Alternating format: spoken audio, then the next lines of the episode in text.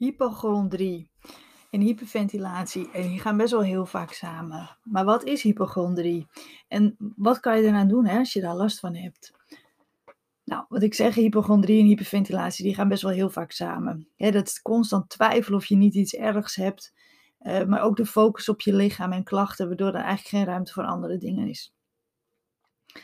Wat is hypochondrie? Nou, mensen met hypochondrie, zogenoemde hypochonders, hè, die zijn constant bang dat zij een ernstige ziekte hebben. En je voelt een steekje, krampje, kriebel, pijntje en je ziet het meteen als bevestiging dat er iets ernstigs mis met je is. Nou, hypochondrie wordt ook wel ziekteangst of ziektevrees of ziektefobie genoemd.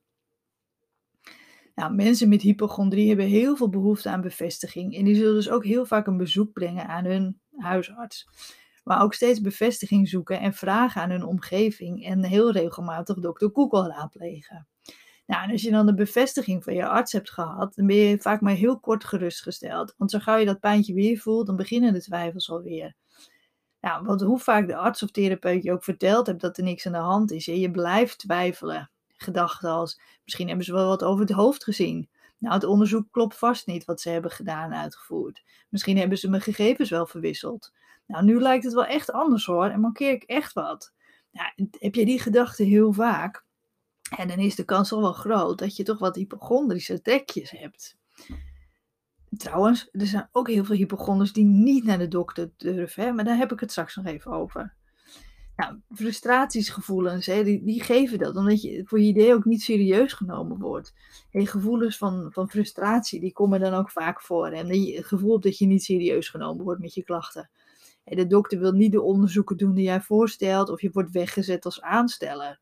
Nou, daardoor krijg je natuurlijk nog meer stress, want het gevoel van onmacht en juist je twijfels in stand houden. En je kan ook het idee hebben van, oh, dan moet ik weer naar de dokter. Nou, die ziet me weer aankomen. Dat je een paar keer in de week naar de dokter belt om, om, om bevestiging te vragen. En dan bel je en dan hoor je die assistent al. Oh, nou die is er weer. Weet je, waardoor je, ja, dat, dat geeft natuurlijk een ontzettend gefrustreerd gevoel. Omdat je voor je idee gewoon niet zo serieus genomen wordt. Hè? Of de dokter wil niet uh, mee om nog een keer dat onderzoek te doen. Die zegt, ja, we hebben het al onderzocht. En, en ja, toen konden we niks vinden, dus nu ook niet. En dat wordt dan zo een, een, een ja, een focus van jezelf. En het maakt je zo onzeker. Want jij voelt dat er iets iets niet klopt. Hè? Want dat, dat idee heb je echt. Dat, dat klopt gewoon niet wat je voelt. En ja, er moet iets met je aan de hand zijn. Want anders zou je je niet zo voelen. Nou, die gedachten. Maar wat ik net zei, hè, niet alle hypochonders zullen steeds naar de dokter gaan. Heel veel zullen ook juist niet meer naar de dokter durven uit angst voor eigenlijk het doodsvonnis. Of het bevestiging van die negatieve gedachten. Het idee om echt wat te mankeren is dan zo heftig en intens dat de dokter juist onderzoeken vermeden worden of uitgesteld worden. Ja, dat is natuurlijk ook niet goed. En bedoel, wanneer dat je niet naar de dokter gaat als je ergens last van hebt, ja, dan, dan kan er ook niet wat aan gedaan worden. En het is natuurlijk super herkenbaar. Uh, van, uh, ja, weet je, en en, um, en, en, en, sommige mensen zeggen, ja, ik ben geen hypochonder, want ik ga uh, wel naar de dokter of ik ga niet naar de dokter. En zo zijn er dus twee soorten mensen, hè, die eh, continu die bevestiging nodig hebben van die dokter, maar ook die, die zo bang geworden zijn dat ze echt iets mankeren.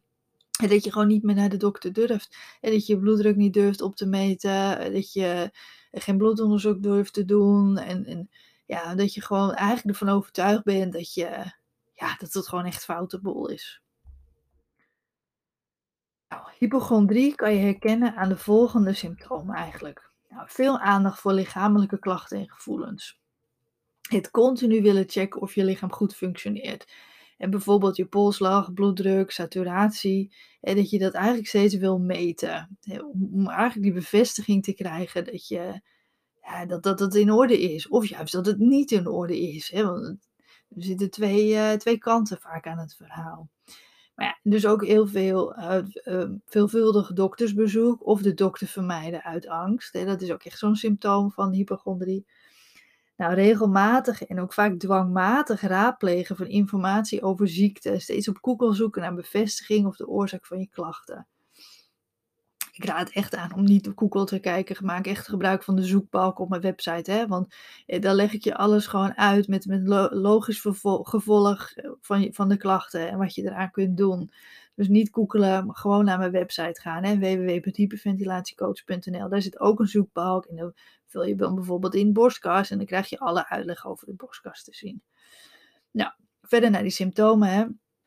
De zoeken naar bevestiging bij je omgeving. Het heel vaker over willen hebben. En wat vaak weer teleurstelling geeft, omdat je niet of onvoldoende begrip krijgt. Hè? Want ja, je omgeving hebt vaak ziet dat de heb je er weer. Hè, die, die, ja, je mankeert niks hoor, zeur nou maar niet zo. Die, uh, ja, die reactie, uh, als je dit herkent, die zul je zeker wel eens gehad hebben. En dat geeft weer vaak frustratie. En frustratie is natuurlijk weer stress. En stress zorgt weer voor meer klachten. Die twijfel kan je de hele dag hebben sluimeren, maar het kan ook uitmonden in een paniekaanval. Je kunt veel klachten ervaren door die twijfels en hypochondrie. Op de momenten dat de angst voor een ziekte overheerst, nou, dan kan je echt wel de volgende klachten ervaren. Hartkloppingen, benauwdheid, tintelingen, een doof gevoel, droge mond, misselijk, maagklachten met braak of diarree, hoofdpijn, heel rood gezicht krijgen, flauwvallen, maar ook zelfs wel het gevoel niet meer te weten wie of waar je bent. Hè? Dus die dissociatie. Maar ook het gevoel dat je de controle over jezelf verliest, te gek wordt of doodgaat. En angst voor die ziektes. En dus die, die, die, die klachten kunnen heel, wel heel intens zijn. Je kan er echt helemaal in, ja, in, in opgezogen worden. Nou, de oorzaak van hypochondrie. Weet je, er is vaak niet echt een hele duidelijke oorzaak voor het ontstaan van deze angst voor ziektes. Heel vaak is het iets uit je jeugd. Hè? Die overleden is aan een ernstige ziekte of bijvoorbeeld plotseling. maar ook je opvoeding kan een rol spelen. Als je bijvoorbeeld vroeger uh, niet ziek mocht zijn, of als je ouders juist overbezorgd waren, en dan kan het zijn dat je niet geleerd hebt hoe je op een reële manier met gezondheid en ziektes moet omgaan. En zo kan je dus jezelf hebben aangeleerd om een verkeerde inschatting van ja, vaak dus onschuldige lichamelijke klachten te maken. Nou, hyperventilatie die kan je heel veel verschillende klachten geven. En veel van deze klachten kunnen lijken op een ernstige aandoening. En omdat je zo in je hoofd hebt dat je wel iets ernstigs moet markeren, is het feit dat de oorzaak je ademhaling en dat stress is, is dan vaak heel lastig te accepteren. Juist die stress- en angstgedachten, die geven spanningen en een verstoring van je ademhaling, waardoor je in een vicieuze cirkel terechtkomt. Een pijntje geeft twijfels en die twijfels geven een stressreactie en die stressreactie geeft spanning in je lichaam en die spanning geeft weer een verstoorde ademhaling en die verstoorde ademhaling met die hoge spierspanning, die geeft weer pijn. Nou, en zo is de cirkel natuurlijk rond. En dus, dus het houdt het vaak in, in stand. Hè? Je hebt die gedachte, die twijfel, en dat, dat, dat zorgt voor stress en die stress die zorgt weer dat die ademhaling versnelt, weet je, en die geeft weer spanning. En ja, zo hou je het natuurlijk gewoon heel erg in stand. Hoe doorbreek je dat nou? Ja, ik raad weer aan om echt een tijdje de dagboek bij te houden. Hè. Schrijf op hoe je je voelt en wat je die dag gedaan hebt. En zo krijg je vaak heel veel inzicht in patronen die je uiteindelijk kunnen geruststellen. En daar heb ik een podcast over opgenomen, dus luister die ook zeker. En stop echt met het raadplegen van Dr. Google. En ga op de momenten dat je het wil doen, wat leuks doen voor een positieve afleiding dus als jij echt die bevestiging wil hebben, of je wil het er weer over hebben, of ga dan uh, desnoods je keukenkastje soppen. Of ga een puzzel maken. Ga, ga iets, eh, iets doen wat je afleidt. dus doorbreek die cirkel. Want hoe meer jij uh, denkt op een bepaalde manier, des te sterker wordt dat deel van je brein. Hetzelfde als wij alleen maar naar de sportschool gaan en je traint heel erg je, je rechterarm. Ja, dan wordt je linkerarm, die lijkt daardoor veel zwakker. Maar die rechterarm wordt steeds dominanter en sterker. Maar ook dus, als wij heel veel twijfelen en heel veel negatief denken, dan wordt dat deel van ons brein wordt sterker. Er komen namelijk allemaal meer verbindingen in, zeg maar. En dus is het heel belangrijk om, om uh, om een ander deel van je brein te gaan trainen, waardoor dat deel ja, een beetje getemperd wordt. Dus ga wat leuks doen, creatiefs doen bijvoorbeeld. En leer echt om je gedachten om te buigen. En wat je ook kunt doen, hè, wat belangrijk is, doe elke dag ademhalings- en ontspanningsoefeningen om meer rust in je lichaam te krijgen. Om die stresshormonen te laten zakken. En want hoe meer stresshormonen, hoe meer je last gaat krijgen van negatieve gedachten. Nou, uh, en leer jezelf natuurlijk geruststellen en te vertrouwen op je lichaam. En dat lijkt heel lastig, maar echt, dat, dat kan jij. En dat is echt haalbaar. Wat ik net zei, hè, met dat, dat eigenlijk het trainen van een andere deel van je hersenen.